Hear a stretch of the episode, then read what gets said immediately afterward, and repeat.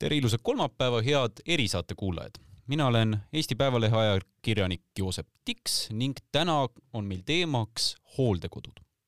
nimelt siis eile saime teada, et prokuratuur võttis uurimise alla Viljandimaal asuva Halliste mulgi häärpäri. põhjus siis selles, et hooldatavad olid unarusse jäetud. aga mis on üldiselt seis Eesti hooldekodudes ja mis juhtus Halliste mulgi häärpäris,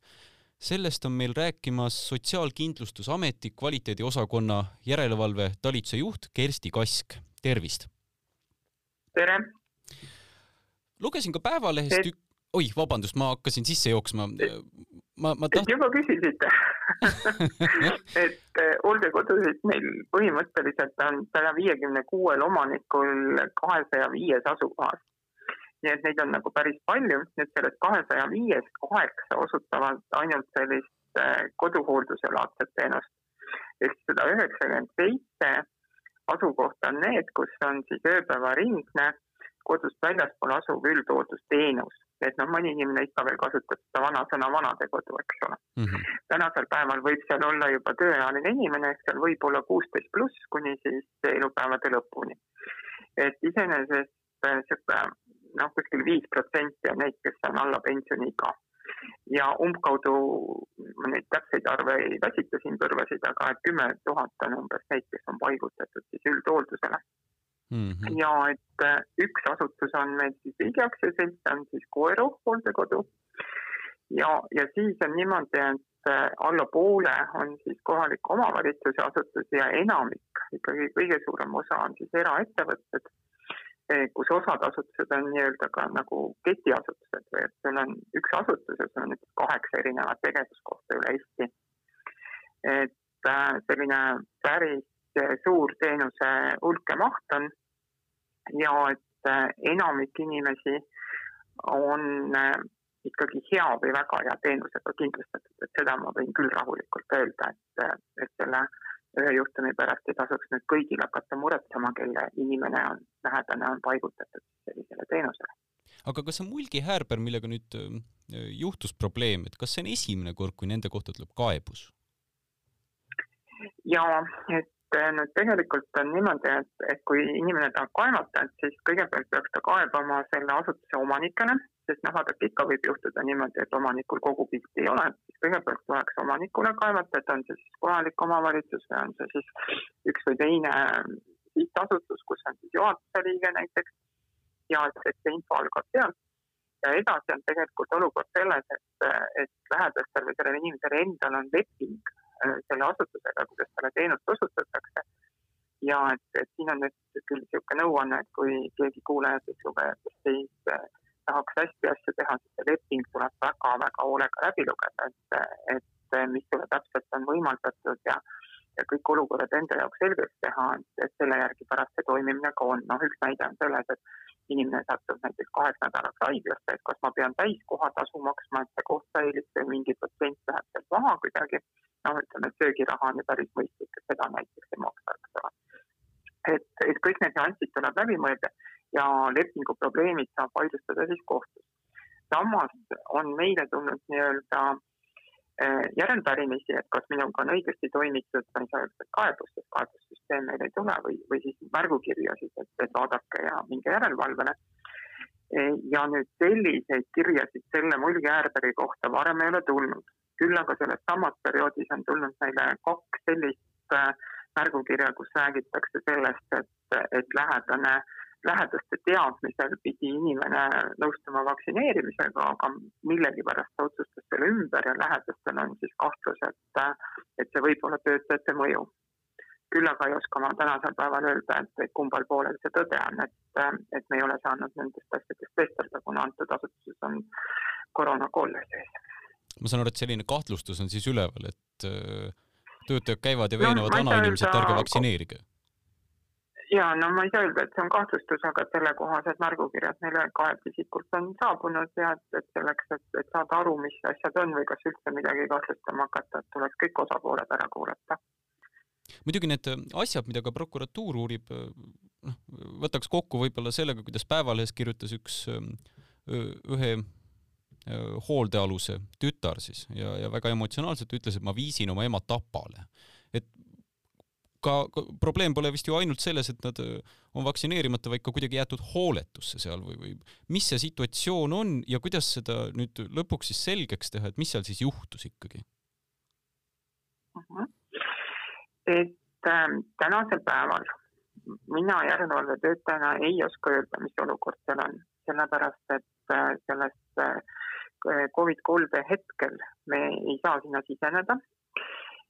ja et me kindlasti vaatame need asjad üle, räägime kõigi osapooltega, nii klientide, lähedaste, koostööpartnerite kui asutuse juhi ja töötajate omanikuga ja saame selgeks, mis need tegelikud toimimised on. et Äh, Viljandi haigla, kellel oli siis ülevaade kokku nende viie haigla osas, kes sinna on paigutatud kaks enne ja kolm hiljem. et nemad on teinud siis oma teatise ja meie tegime prokuratuurile teatise seetõttu, et meile jooksid mitmest allikast kokku info, et inimesed on lukustatud kas tuppa või sektsiooni ja nad ei pääse sealt äh, vabalt liikuma, aga vabadust ei ole neil ära võetud tegelikult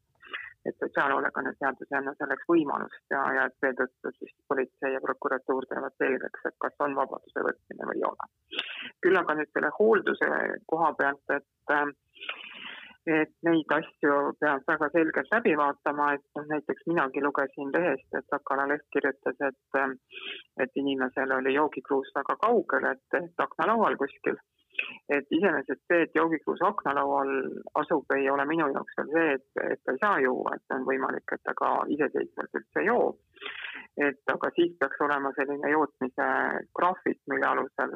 me näeme, et inimest on ikkagi regulaarselt eh, kogu aeg juua antud, et, on tema juures käidud ja aidatud tal juua. et, et selles mõttes noh, et see optilisus ja, ja töökorralduslikkus, et see peab olema selgelt läbi vaadatud nüüd, kui me räägime Eestist üldisemalt, et siis ähm,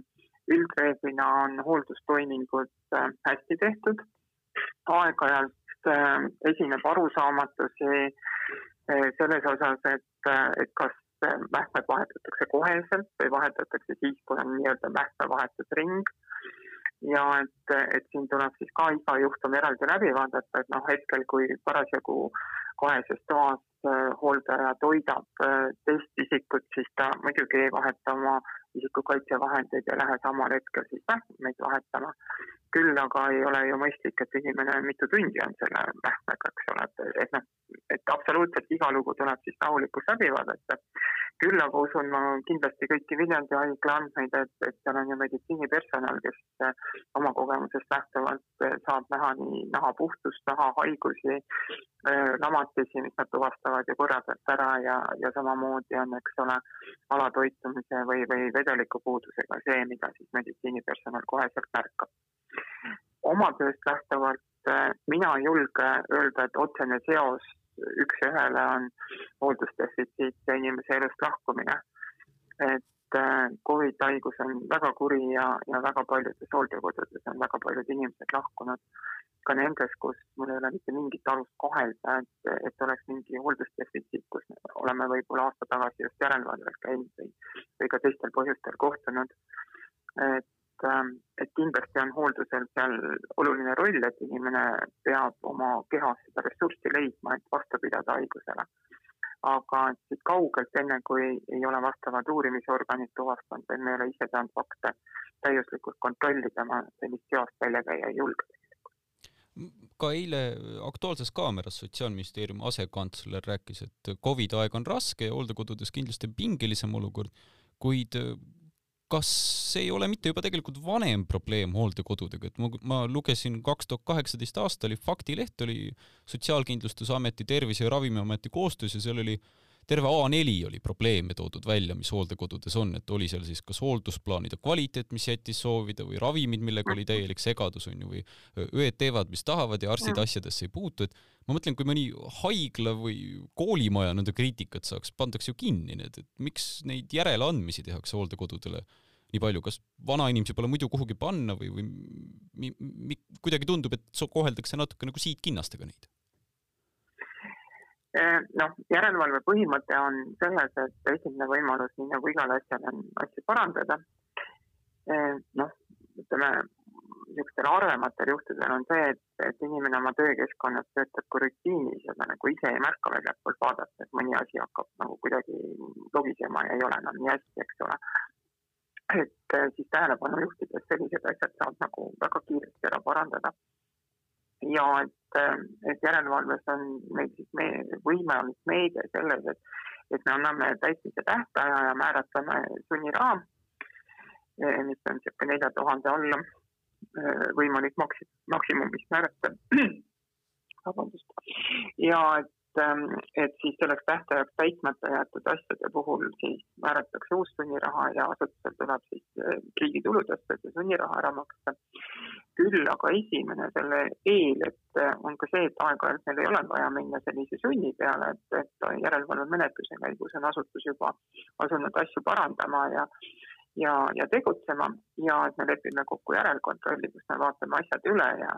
ja võime siitpoolt rahulikuks jääda, et asjad on läbi mõeldud ja paremaks läinud. et äh, hooldusplaanidega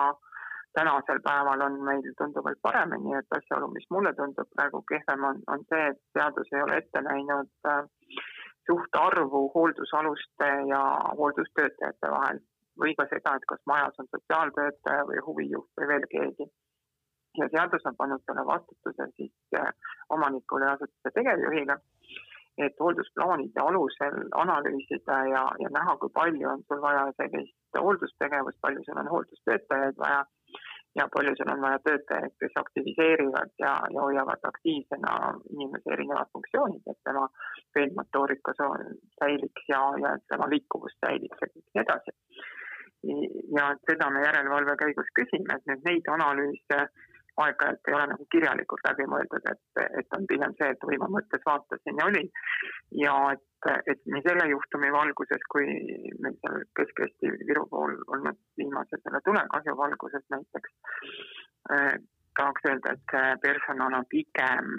miinimumi poolt välja arvutatud, et ei ole nagu see, et, et kliendil, sealt väga kliendi huvides, vaid, vaid see, et kuidas me ikkagi veel välja tuleme. no mis tähendab seda, et, et kui sul keegi haigestub või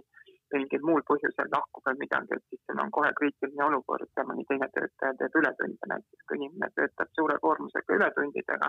siis tema empaatilisus väheneb, tema väsimus tõuseb ja kõik sellised asjad. ja et äh, asutuste omanikud põhjendavad meile seda sellega, et, et nad ei saa inimestele kohatasu summat olulisel määral tõsta ja, ja et nemad ei tule selle rahaga niimoodi välja. et iseenda poolt me oleme siin kokku panemas sellist eh, kulumudelit, et mis oleks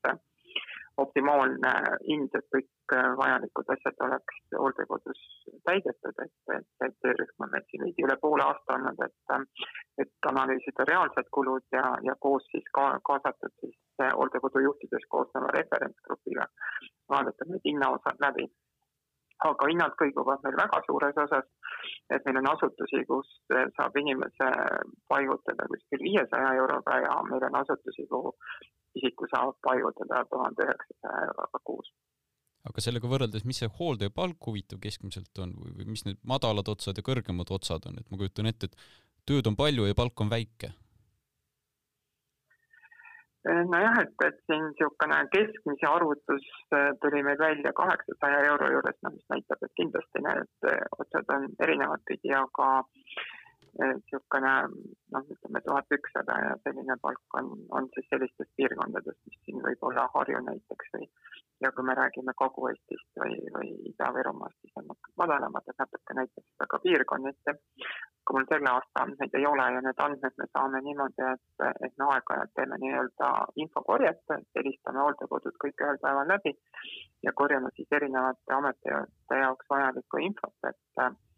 et saada siis seda pilti, et mis meil siis eh, on, seepärast et eraettevõtjatel otseselt eh, nagu niisugust teabe jagamise kohustust rohkem ei ole, kui üks kord aastas täita siis veebipõhised aruanded.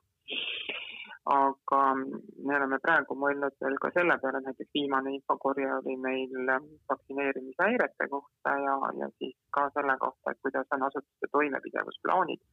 ehk siis plaanid igasuguse kriisi jaoks, et noh, kui me mõtleme siin Eestis olnud erinevaid kriise, siis aastate tagant meil tuleb meelde Pärnu, mis uputus näiteks ja,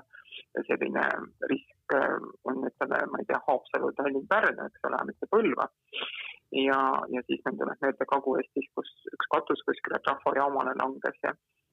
ja et, et muudki sellised lumetuisuga kinni mattunud teed ja asjad, et, et kuidas ja mismoodi, mitu tundi ja mitu päeva sa saad näiteks hakkama sellega, et, et sul ei ole elektrit või, või kütet või et kus kohas esimesed mured hakkavad, et on see toitlustamises või on see mingisugustes aparaatides või, või milles veel, et, et kuidas siis abi on planeeritud ja kust näiteks generaator saada, mille külge lülitada või et ja sinna hulka käivad kindlasti need bioloogilised riskid ka, kus me räägime siis erinevatest viirustest ja me ei räägi ainult Covid viirusest, et et meil on varematel aastatel ka grippe vanainimestel on tunduvalt suuremate tagajärgedega ja seetõttu kaks viimast aastat on ju ka riik hooldekodu isikuid äh, vaktsineerinud gripi osas. Äh, no aga meil on ka resistentsed bakterid, mis äh, hirmutavad aeg-ajalt töötajaid ja, ja need vajavad eraldi sellist käsitlemist ja, ja inimese hooldamist siis. palju siin Sotsiaalkindlustusamet üldse aastas jõuab neid hooldekodusid kontrollida, kui, kui efektiivne see võrk on? No ma veel kord rõhutan, et tegelikult on ikkagi vastutus sellel teenuseosutajal endal, et, et kui kõik töötab ainult selle peale, et, et järelevalve pärast töötan ja järelevalve midagi korda ajab, et siis me võime võrrelda ju ka sellega, et, et tee ääres on politseinik, kes mõõdab kiirust, eks ole, aga millegipärast on neid kiiruseületajaid ikka hästi palju, et vastutus on ikkagi selle kiiruseületaja enda käes aga meie siis järelevalve alla kuuluvad kõik sotsiaalhoolekandeasutused, mis on sotsiaalhoolekande seaduses toodud kohalikud omavalitsuste sotsiaal- ja lastekaitsetöö ja ka ohvriabi seaduse alusel töötavad naiste turvakeskused ja ja siis äh, sellised äh, inimkaubandusega seotud asutused ja nii edasi. et kaks tuhat kaheksateist ja üheksateist me võtsime endale peateemaks üldhoolduse ja siis meil oli aastas seitsmekümne asutuse ümber, mida me järgi valvasime. kaks tuhat kakskümmend oli veel osakaalu planeeritud üldhooldusele, kuid tegelikult me teostasime järelkontrolli eelnevate aastate äh, siis puudujääkide murdmiseks ja et üldiselt see järelkontrollid läksid meil päris hästi üle ootuste. ja et nüüd käesoleval aastal me oleme planeerinud kakskümmend asutust üldhooldust ja et rõhk on pigem praegu asendushooldusasutuste peal. kakskümmend? ehk siis jah, kakskümmend. kokku oli neid umbes kakssada, ma saan aru? ja tegevuskohti kui paljudel üldse neist või noh, kui nüüd äh, kuidagi kirjeldada või öelda, et palju neid äh, nii-öelda pahasid nende hulgas on või neid, kes äh, kuidagi latini ei jõua, et, et palju neid sunnirahasid on määratud, palju on tegevuslubasid ära võetud või, või kui ma küsiks no,. sunni, sunniraha tasumiseni sisuliselt ei ole õnnestunud ükski asutus ja kaks tuhat üheksateist meil oli kuus ettekirjutust sellest seitsmekümnest järelevalvest et ülejäänutes kas ei olnud probleeme või olid need probleemid, mis äh, said lahendatud siis kergemat teed et kedagi sundima ei pidanud. või küsiks teisiti, et kui mul oleks lähedane, äh, keda ma nüüd äh, noh, ma ei tea, mingi suur probleem on juhtunud, ütleme näiteks ei jaksa ise hooldada, keegi lähedastest ka ei jaksa, noh, ütleme näiteks Alzheimer on ju, et see on väga keeruline olukord ja üks hetk käib kõikidel teistel üle, üle jõu, on vaja hooldajat. millisesse hooldekodusse ma ei tohiks teda panna? no selles mõttes, et kui me nüüd mõtleme spetsialiseerumise peale, et siis meil on üksikud hooldekodud, kes on sellise dementsuse, Alžeimeri probleemidega rohkem tegelenud ja kelle keskkond on äh, renoveeritud ja, ja on, ütleme, sisustatud niimoodi, et on selle haiguse tüübi jaoks äh, nagu rohkem läbi mõeldud. et siis võiks nimetada siin ühte viimasena avatud Benitat, kuhu võiks paigutada aga kuna sinna on nii palju investeeritud ja, ja keskkond ja töötajad on siis hästi et, et siis selle kohatase on ka päris märkimisväärne. noh, samamoodi on meil Pihla kodud Tallinna ümbruses, näiteks Viimsi ja Tabasalu Pihla kodu, kus on siis eraldi mõeldud dementsete peale ja on eraldi selline osakond olemas. kui me nüüd mõtleme pigem sellise väikse hooldekodu peale, kus on seal kakskümmend kuni nelikümmend inimest, ja kus on kõike tüüpi terviseolukordadega inimesed, ei ole eraldi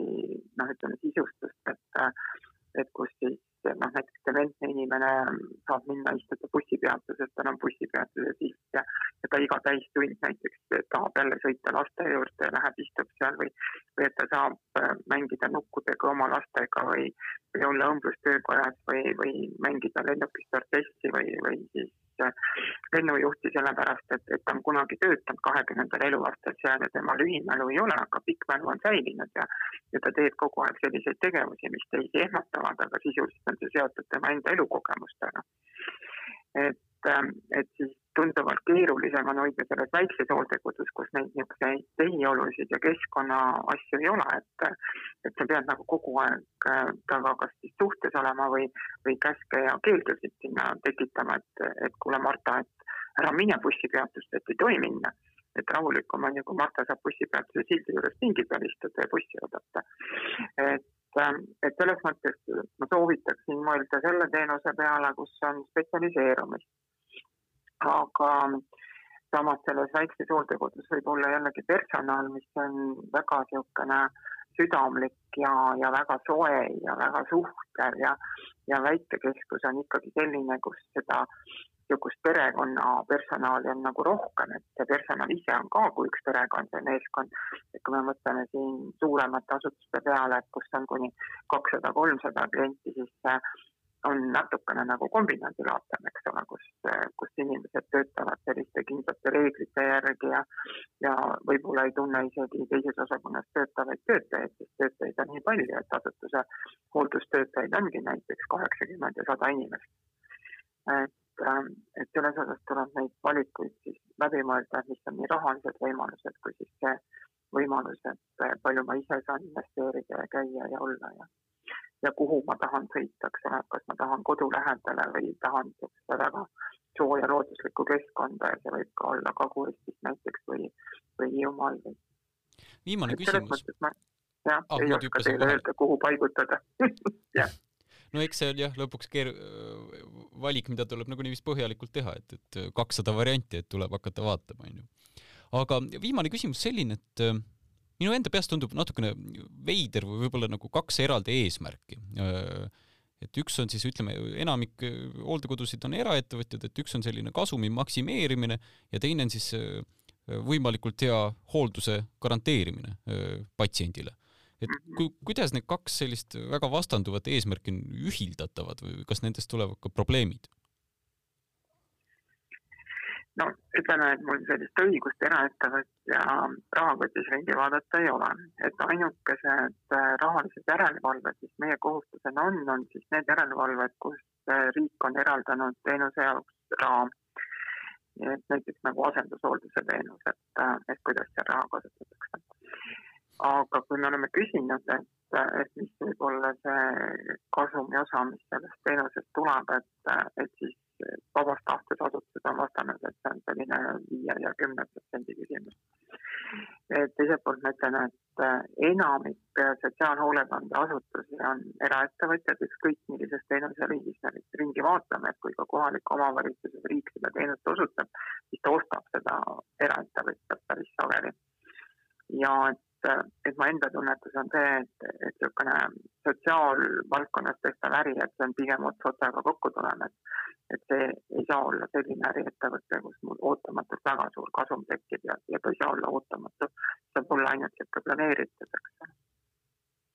selge pilt. aga tänaksin teid, et tulite siia saatesse. tänan ka erisaate kuulajaid, et olite meiega ja kindlasti kuuleme jälle. aitäh teile! aitäh, nägemist! nägemist! thank you